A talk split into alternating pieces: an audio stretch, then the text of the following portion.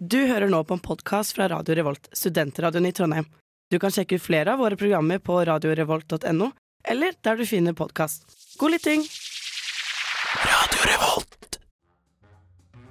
Vitenskap er vanskelig, lett, Mangfoldig. fremtiden, Mye rart. kultur, Pseudovitenskap. verdifullt, Ord, bilder. Og begavet tenkning. underholdende Fascinerende. og dypt. Fett! Gøy, rotete, mye rart og alt mulig. Vitenskap er Vitenskap er Vitenskap er uillustrert vitenskap. Uillustrert vitenskap. Uillustrert vitenskap. Science isn't about why, it's about why not. Hallo og velkommen til årets første episode av Uillustrert vitenskap. Vi skal ha eh, Nei, vi skal ikke ha, vi skal snakke om eh, Det er noe som er litt relevant for tida. Snø og kulde. Det er jo mange plasser det er kaldt akkurat nå. Med meg i studio i dag har jeg Pernille. Emilie. Håkon på teknikk. Yes. Så før vi snakker videre, så skal vi ta og høre en låt. Vi skal høre 'Bare for i dag' med Simen Steinklev. Jeg heter Fetisha, og du hører på Radio Revolt.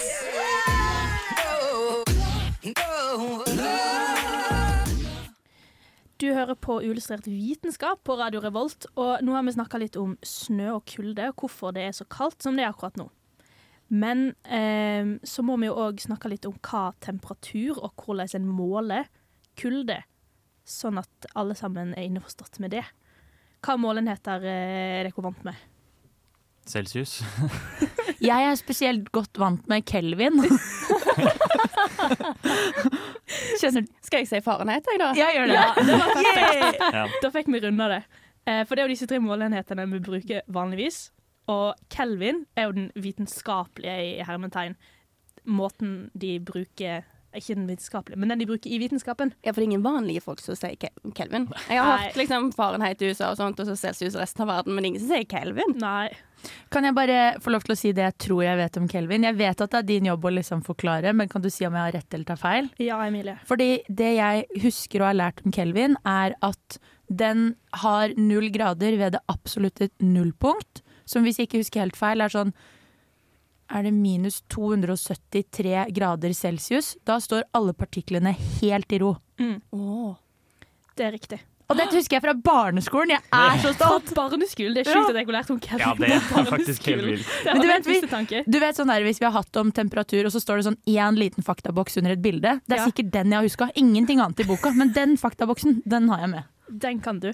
Og det du sa med at det da alt sammen står helt stille, det er riktig, fordi måten vi måler temperatur på, det er jo hvor masse bevegelse det er i partiklene i et system. Eh, Så en måler på en måte temperaturen til luft, vann, mennesker. En kan ikke måle temperaturen til et atom, for det er ikke et system av ting som beveger seg. Eh, og som du sa, når det er absolutt nullpunkt, så står det helt i ro, og da er det så kaldt det går an at det blir. Eh, Det kan hende at det fins andre regler, men det er det som er vanlig.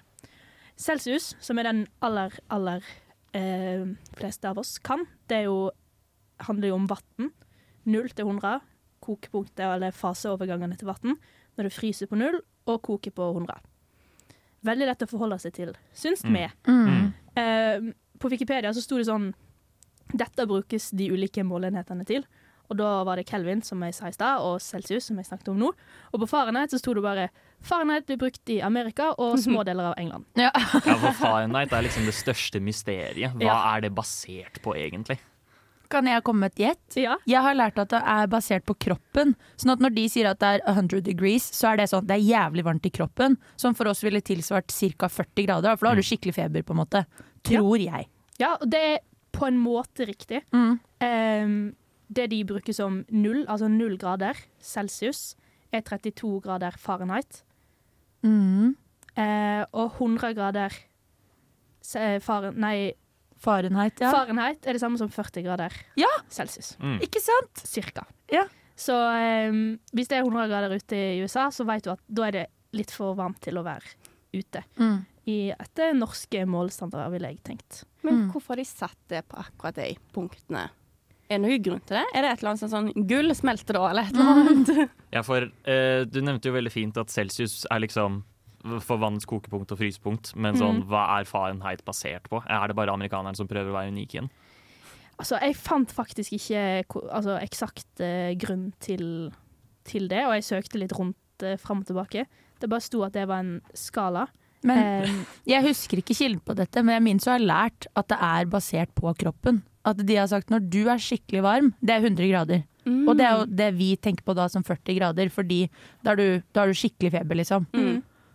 Men, men jeg har ikke noe kilde på det, så jeg kan ikke si at uh, Der sier de at det er det der, men jeg tror det er uh, nesten riktig. nesten riktig. Ja, du skal få lov til å tro det. Jeg syns det er veldig gøy med sånne amerikanere. For jeg har sett ja, eh, Jeg har lest sånn TikTok. Det var dumt, men det har jeg gjort. um, og der dukker det opp eh, sånn eh, titt og ofte folk som sånn der, skal forsvare landet sitt, og amerikanere som er sånn der Jo, men faren Fahrenheit gir mening, fordi at når det er null grader, da er det dritkaldt. Og når det er 100, da er det varmt. Ja, ikke Ja. sant? Og sånn, ja, men hvis det fryser på 32 grader Fahrenheit Ja, ja. det betyr at null grader Fahrenheit, det er kaldt. Ja, det er dritkaldt. Ja. Ja, jeg skjønner meg eh, ikke på det, så det er nå bare en vanesak. På samme måte som pounds og alt mulig annet. Yards, som, eh, de er jo på helt tur uansett. Hvorfor kan de ikke bare, hvorfor kan de ikke bare gjøre som alle Ja, ja. De skal være så ekstra. Jeg orker ikke. For Jeg, syns egentlig du bare skulle avslutta setningen din i stad, Pernille. Du sa sånn Jeg syns det er så gøy med sånne amerikanere. Du hadde ikke trengt å si noe mer, Ja. egentlig. Vi vet hvorfor. Ja. Jeg skal kaste på en siste fun fact uh, før vi går videre, og det er at Kelvin er kalt opp etter lord Kelvin. Oh. Yes. Nå blir det andre temperaturer i studio. Vi skal høre Brenn med Kristin Evenes.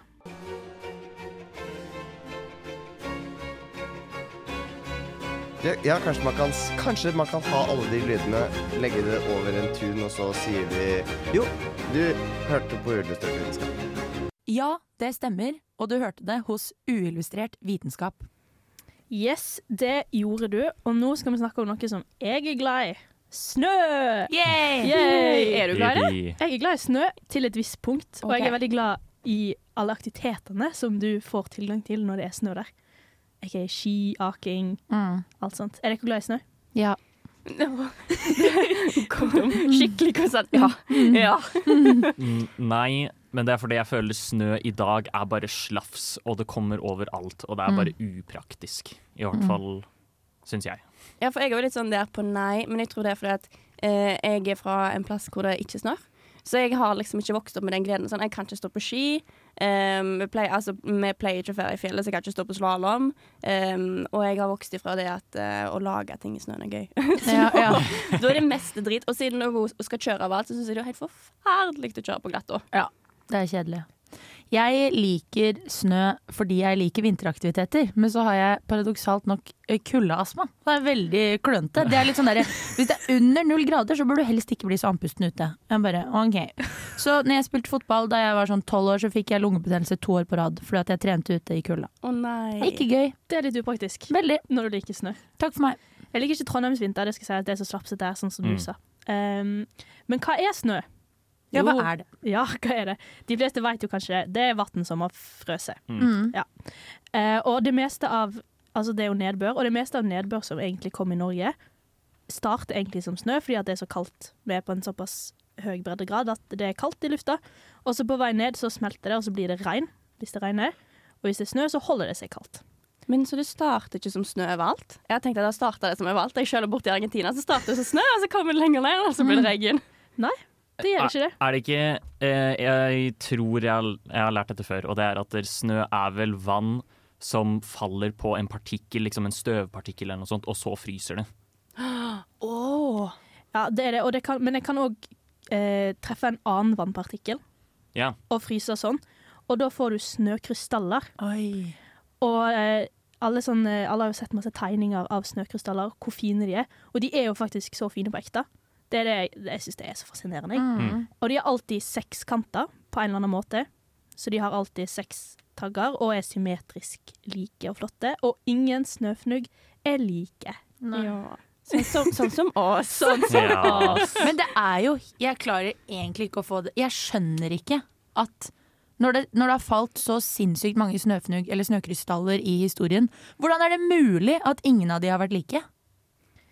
Jeg, men jeg tror jeg bare Jeg forstår ikke uendelighet, på en måte. Eh, også et annet spørsmål er hvorfor er alle sammen sekskantet spesifikt? Ja, for jeg henger meg mer opp i det. Sånn, Ja. ok, ja, Greit nok, det kan være kjempe, kjempesmå forskjeller som gjør at alle er bitte, bitte litt forskjellige. Det kan jeg godta. Men hvorfor alle sekskanter?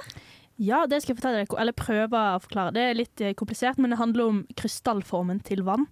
Alle, altså alle som grunnstoff har en krystallform. Eller alle forbindelser har en form i krystall, og vann sin er sekskanta. Så har det Ja. noe med når flere vannpartikler fester seg i sammen, så blir det med avstanden til den andre vannpartikkelen drar fasongen ut i en viss type ja, fasong. Det, det er litt vanskelig å forklare. Det er mye lettere å vise det på et papir. Ja. Mm. Eh, Merka jeg mens jeg sto her og skulle fortelle det til dere. Jeg syns du gjør en kjempejobb, jeg, Sara. Takk, Emilie. Men det er i utgangspunktet fordi formen til vann, Ja. eller den krystalliserte formen til vann, er sekskantet. Ja, Og så ulike forhold i altså luftfuktighet og temperatur sier veldig masse om hva slags form snøkrystallen får. Så jeg har en liten liste med liksom eh, vanlige former. Mellom 15 og 12 minusgrader så er de stjerner. Mm. Og mellom 30 og 15 minus så er de sekskanta plater. Mm. Um, og når det er nærmere null, så har de mindre og mindre fasong. Så Ja. da kan de være mer og mer bare sånn klumper av Ja, Ting. for det er det jeg Mm. også har tenkt. At du vet, når du ser for deg den, liksom sånn, den mest idylliske julesnøen du kan tenke deg, sånn at det daler sånne klumper, liksom. Da har jeg lært at det handler om at det er så mildt, og at de for, altså det er så nærme null grader, da, at de veldig lett eh, knytter seg sammen. Ja. Men hvis det er veldig veldig kaldt, så vil de være individuelle individer som faller, på en måte. Ja, Det handler masse om det. Mm.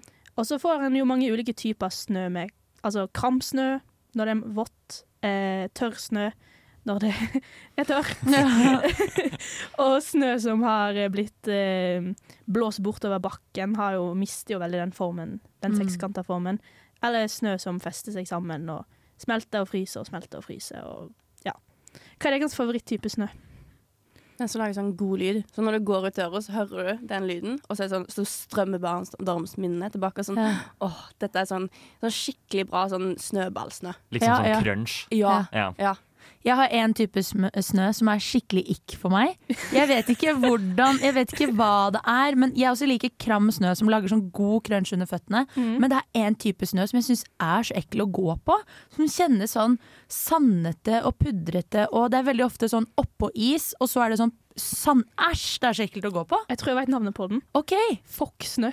Det kan hende. Foksnø. Fokksnø, F-O-K-K. Det er når, når eh, snøen har rulla bortover bakken fordi det har vært så masse vind. Det er ofte etter vind så legger det seg litt sånn fenner. fokker, ja. Men det gjør de ofte sånn som i slalåmbakken. Mm. Sånn etter en stund så lager det seg sånne fokker med snø, liksom. Ja. Men jeg føler ikke det er den snøen jeg er prøver å beskrive. Okay. Men jeg klarer jo ikke å si noe mer enn at det er den som er skikkelig ekkel å gå på. Har du noen favorittsnø? Eh, jeg føler liksom det er på en måte det midtpunktet hvor den er fast, men ikke helt kram. Sånn at hvis du liksom ser en svær snøhaug, og du Mm. tråkker i den, så går benet ditt rett gjennom. Ja. Men den har liksom lagt seg perfekt. Det syns jeg er den beste snøen. Den snøen som rett og slett lager fine spor i snøen. Nå skal vi ta og eh, høre neste låt, nemlig 'Spor i snøen' av Jonas Benjob. På uillustrert vitenskap på Radio Revolt. Det er riktig, og vi snakker om kulde og snø i dag. Og når vi snakker bare om snø og temperatur, så Emilie, take it away. Hvordan reagerer vi Ja, på kulde? jeg kan bli sint.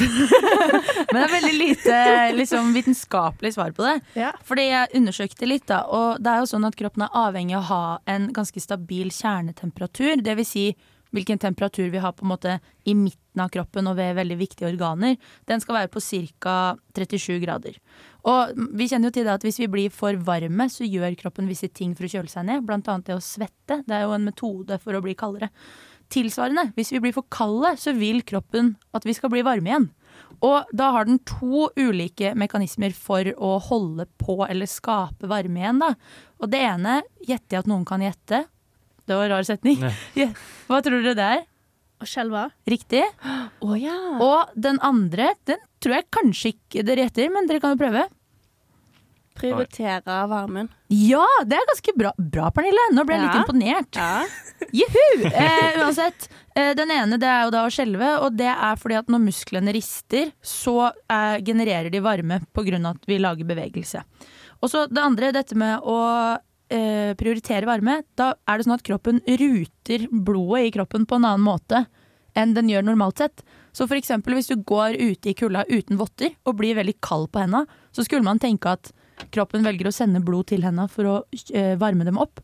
Men da velger den derimot å trekke til seg eh, blodet, fordi kroppen mener at det er viktigere å holde de vitale organene varme. Ja. Så du blir kaldere på henda av å gå ute og bli kald på henda, liksom. Fordi kroppen trekker til seg alt blodet. Ja, for det, jeg, jeg, jeg tenkte ikke akkurat på det. Jeg tenkte mer på at når jeg har gått ute, og det er veldig kaldt, og jeg kommer inn, så er jeg alltid så kald på rumpa. Oh, ja, sånn, men det gir mening. For den trenger jo ikke noe varme, det er jo bare fett. Og det er jo viktigere da å holde liksom magen og hjertet varm. Absolutt. Så skjønner. eh, Du, tenkte, du, men du tenkte riktig selv om Ja, det var feil, på en måte. Ja, ja. Veldig gøy. Eh, og så tenkte jeg på dette med å få ståpels når man eh, blir kald. Og så så jeg at det er fra gammelt av en metode for å holde seg varm. Så jeg bare valgte å tolke det som at typ fra da vi var aper da, og hadde pels, så er det jo en form for isolasjon. Fordi eh, Sara og jeg snakka litt om det her om dagen, at det, det er jo lufta egentlig som isolerer og holder deg varm. Men det er ikke hvis du har på deg en tjukk genser, så er det ikke fordi genseren er tjukk at du blir varm. Det er liksom um, lufta i stoffet som eh, holder på varmen. Så jeg ser liksom for meg at når du får ståpels, så har du mer plass til å isolere uh, deg selv fra kulda, da. Ja. Eller holde huden unna kulda. Eh, men det er ikke faktasjekka, så ikke ta med det i banken. Men jeg tror det var derfor. Og så er det et eh, Har dere hørt det på en måte medisinske uttrykket for å være kraftig nedkjølt? Ja. Hy hypotermi. Ja, hypotermi. Mm. Og hypotermi det er jo kort sagt nedsatt kroppstemperatur. Og en person er hypoterm da, når kroppens kjernetemperatur er lavere enn 35 grader. Og det var så lite i forhold til altså, Jeg ville gjette at det må ha vært sånn 25, fordi Ja. vi pleier å være 37. Men 35, 35 da er du altså hypotermisk. Og det begynner med skjelvninger og så sammentrekninger i blod, blodkarene i huden for å liksom prioritere blodet sånn som vi er vant til. Og så når eh, kroppstemperaturen synker mot 30 grader, så hemmes temperaturreguleringen. Altså skjelvingene stopper opp. Og det er jo kjempefarlig. Um, og bevisstheten da, den nedsettes gradvis, og som regel så vil du være bevisstløs hvis du har under 30 grader kjernetemperatur. Oi. Og på det tidspunktet så er hjerte- og pustefrekvensen så ekstremt langsom at, um, at uh, du kan virke død. Så de Ja. har et uttrykk her. Nå må jeg bare holde meg litt i tunga rett i munnen. Eh, dersom personen er sterkt nedkjølt, så kan det være vanskelig å oppdage livstegn. Um, og da kalles personen skinndød. Om en person virker livløs, skal gjenopplivning alltid startes. Og sterkt hypoterme personer skal bringes til spesialisert sykehus for gjenoppvarming under pågående liv, livreddende førstehjelp. Og ingen er døde før de er varme og døde. Ja. Så det vil si at hvis du, typ, hvis du er kjempekald, og de tenker du har ikke hjerterytme lenger, så du er død, så vil du aldri bli erklært død før de har fått kroppen din varm og du fortsatt ikke har hjerterytme. Og vi vet at det er mulig å overleve kroppstemperaturer under 15 grader! Oi. Ja, var ikke det sykt? Det syns jeg var interessant. Så ja, det er det jeg hadde å melde om det, altså. Ja, for jeg har hørt at uh, hvis du får, altså når du er nedkjølt, så er det, kan det være bra at du kan klare deg lenger med stoppa hjerte. Riktig. Når du er nedkjølt. Jeg har ikke noe fakta på det, men det har jeg hørt. Det har jeg òg, og det, jeg bare hoppa litt over det, for jeg hadde litt mye jeg skulle si. Eh, Men det er at ved lave temperaturer så er kroppens oksygenbehov lavere fordi cellenes metabolisme er senket. Ja. Og dermed kan en nedkjølt person overleve hjertestans svært mye lenger enn en som har normal kroppstemperatur. Og det er, jeg føler det er litt som at hjernen Fordi eh, det å mangle oksygen i blodet og sånn, da, det eh, gjør jo at du vil få en hjerneskade. Men det er akkurat, jeg føler liksom, ved å være nedkjølt, så setter du på en måte hele systemet i dvale. Så Mm. alt går saktere, og derfor kan du overleve lenger. på en måte. Du kan jo dø sakte. Ja, det er også enkelt. da. Jo, jo, men altså, det er jo det som skjer, da. Du liksom, du bremser hele prosessen. Mm. Nei, men det jeg skulle si var at um, jeg syns det er, ikke Jeg har hørt et eller annet om at når du kommer et, til et eller annet punkt i den der uh, hypotermiprosessen, så kler du av deg. Ja, fordi at Mm. det kjennes varmt ut, selv om du egentlig er iskalde. Det har jeg også hørt. Jeg så ikke noe på det nå, så jeg har ikke noe kilde på det nå. Men jeg også har hørt det, at eh, man føler at man, man svetter i hjel, liksom. Ja, ja. Ja, det har jeg òg eh, lært. At du Mm. blir, får et siste sånn varmesjokk før Mm. du eh, før du mister bevisstheten din. Eh, nå skal vi ta og høre en ny låt før vi hører videre om kulde. Vi skal høre 'Høvding' med Trond Kallevåg.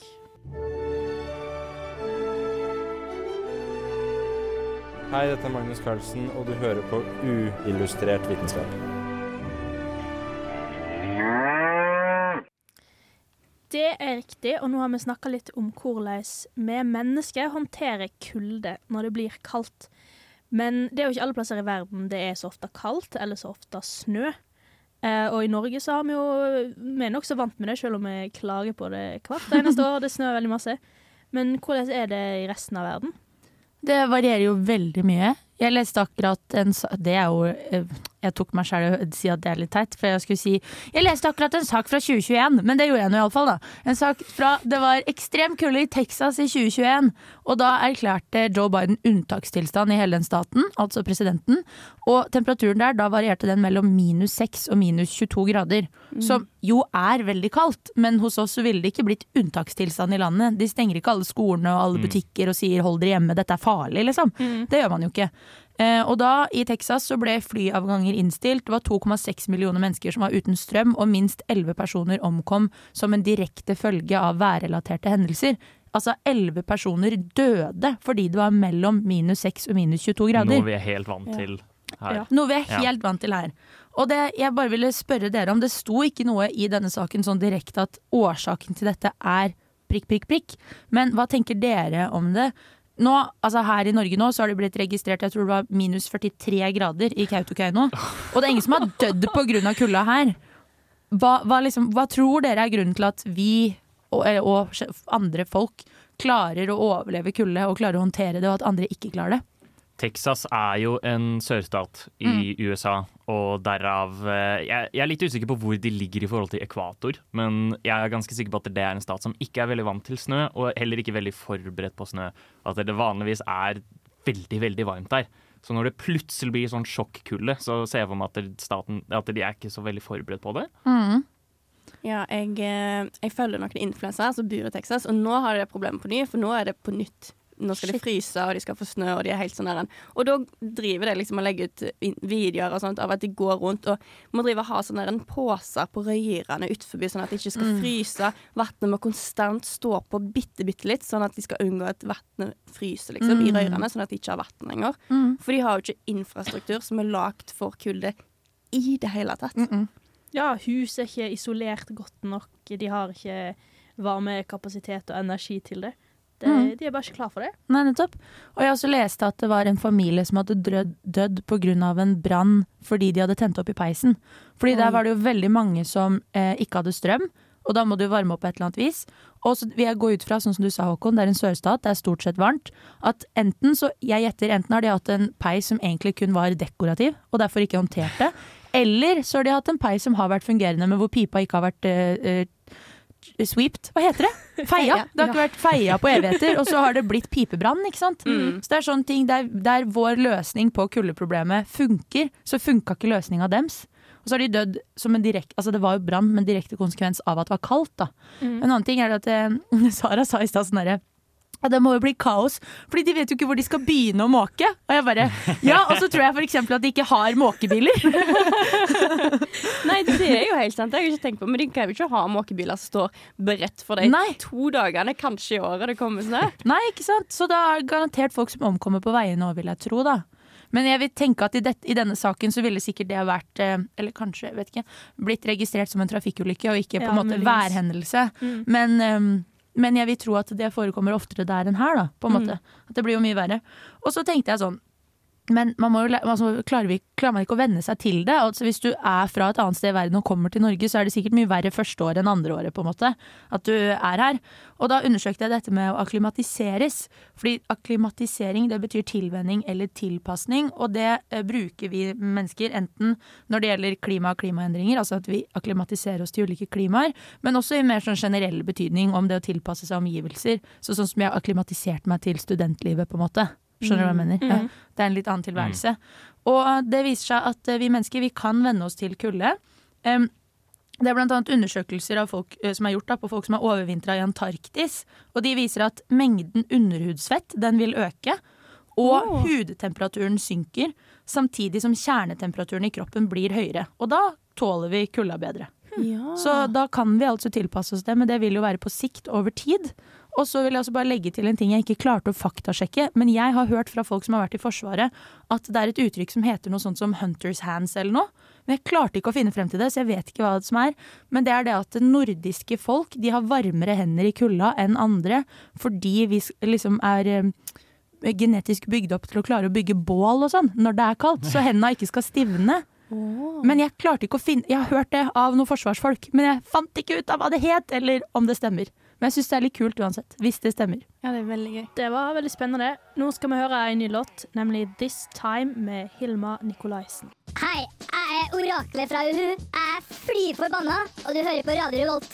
Herre radiokanalen her er Radio Revolt. Jeg er oraklet i Uhu. Jeg er veldig forbanna. Jeg er fly forbanna. Jeg er så sint. Yes, orakelet er sint, og det er mange i Norges land som òg er sinte og irriterte over en viss spesifikk ting. Hvor skal vi gjøre av all den snøen som kommer ned på bakken vår? Og det er det jo noen som driver og krangler om. Mhm. Gjør ikke det det, Emilie? Jo, jeg har sett i kommentarfelt at folk er eitrende forbanna, akkurat som eh, oraklet var. Eh, Nemlig fordi de ser at snøen dumpes i havet. Ja. Fordi det er et problem at disse store snømengdene har falt i byområder f.eks., hvor du ikke har plass til å bare liksom flytte du ut av veien. Eh, og da er en løsning det at folk, eh, altså folk sier kommuner osv., eh, de freser snøen opp i eh, trailerhengere, og så tar de og dumper det rett i sjøen. Um, og veldig mange mener at det er veldig problematisk med tanke på forurensning, fordi snøen kan jo ha med seg søppel og biter av slitte dekk og altså, forurensning for øvrig og strøsand osv. Eh, som da blir sluppet rett i sjøen. Og så er det andre som sier at snøen ville jo uansett på et eller annet tidspunkt ha smelta og rent ut i sjøen, eventuelt også via kloakken og ut i sjøen. Så da er folk sånn Hvorfor gjør de det? Det er ikke lurt. Jeg så noen som foreslo sånn Det er mye lurere å kjøre det til fjells. Og så var de sånn Ja, og den dieselen betaler du, eller? så det ble veldig hett da i disse kommentarfeltene. Så jeg måtte undersøke hva er liksom lov, og hva er det som er eh, sagt om det her. Og statsforvalteren, eh, de var ansvarlig for noe forurensning. Et eller annet. Som de sier at det som er lov uten tillatelse, det er at eh, snø som faller en gang til. Snø som faller er i utgangspunktet ren, og i mange tilfeller vil ikke snødeponier eller snødumping utgjøre et forurensningsproblem. Er snøen ren, kan man dumpe den eller legge den i deponier uten at det er i strid med bestemmelsene i forurensningsloven.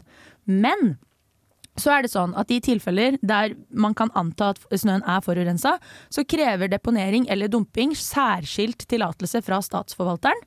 Og da er det den som eier snøen, står det i hermetegn. Den som eier snøen er ansvarlig for å søke om en sånn tillatelse. Og det kan være f.eks. til Statens vegvesen, fylkeskommunen osv. Og det vil jo si at hvis det er grunn til å tro at snøen kanskje er forurens- forurensa, så har du som håndterer snøen ans et ansvar for å vurdere om den skulle hatt særskilt tillatelse til å dumpes i sjøen eller ikke. Men da tenker jeg litt sånn hvordan, hvordan, skal jeg, hvordan, hvordan ville dere vurdert om den er forurensa eller ikke? Uh, altså, som jeg sa, jeg tar gul snø. Ja. Men det blir jo litt teit i denne sammenhengen her. Jeg vet ikke. Nei. Men du må jo bare tenke liksom, hva, hva har vært hun under. For hvis du har liksom, hatt en periode med mye liksom, eh, at det har vært glatt, og du har strødd mye grus og salt og den typen ting, da er det vel grunn til å tro at den snøen kommer til å være forurensa, fordi at Mhm. det kommer til å være masse drit i den, da, på en måte. Ja, det er vel ak akkurat som du sier. Altså den, eh, det som på en måte Føler i hvert fall særlig veisnø, da. Det Bærer jo mye av det liksom saltet av kanskje ja, spor av dekk, som du sa, olje, lignende. Sånne type ting som er direkte skadelig for vannet. Ja, nettopp. Ja. Og så Men, er- men sånn, hvis du ser på noe helt annet jeg vet ikke hvordan du, Om du ser bort fra veiene, så vet jeg ikke hvordan man skal vurdere det. Nei, ikke sant? Det var vanskelig. men er dette et problem for den gjengse nordmann? Er ikke dette mer et problem for kommunen som driver måke? Det er nok det, men det er jo dette med at folk engasjerer seg så veldig i det når de ser at det skjer. de vil så folk er sånn hei, hei, hei, hvorfor gjør du dette, kommunen min? Men, men er det da kommunen som må søke til kommunen? Oi, det er et godt spørsmål. Da var sikkert kommunen søkte til fylkeskommunen, og fylkeskommunen må søke til statsforvalteren, eller Ja. et eller annet sånt. da. Ja, Vil jeg tro. Det er jo noe sånt. Og jeg vil tenke sånn det der med at snøen Altså at den uansett hadde rent ut i sjøen. Det gjør han jo. Men kanskje han hadde lagt fra seg noen av de forurensningsstoffene på veien? Det kan hende. Jeg veit ikke. hva, hva som er gode og dårlige grunner for at uh, en ikke skal få lov til snødumping. Men uh, det er en gøy debatt som vi ikke har tid til å ta hele av nå. Nå skal vi se s- jeg skal ikke se, vi skal høre 'Se deg' av Lings.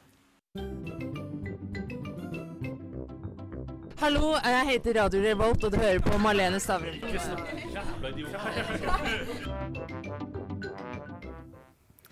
Yes, vi har hatt en sending i dag om snø og kulde, og eh, hvordan vi mennesker eh, tilpasser oss det. Har vi lært noe gøy i dag? Ja.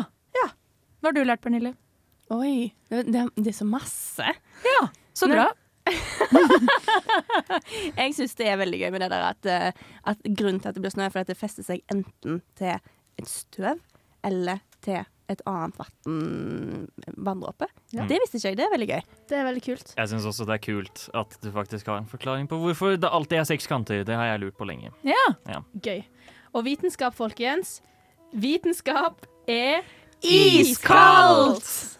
Ha det bra. Ha det. Du har lyttet til en podkast fra Radio Revolt, studentradioen i Trondheim.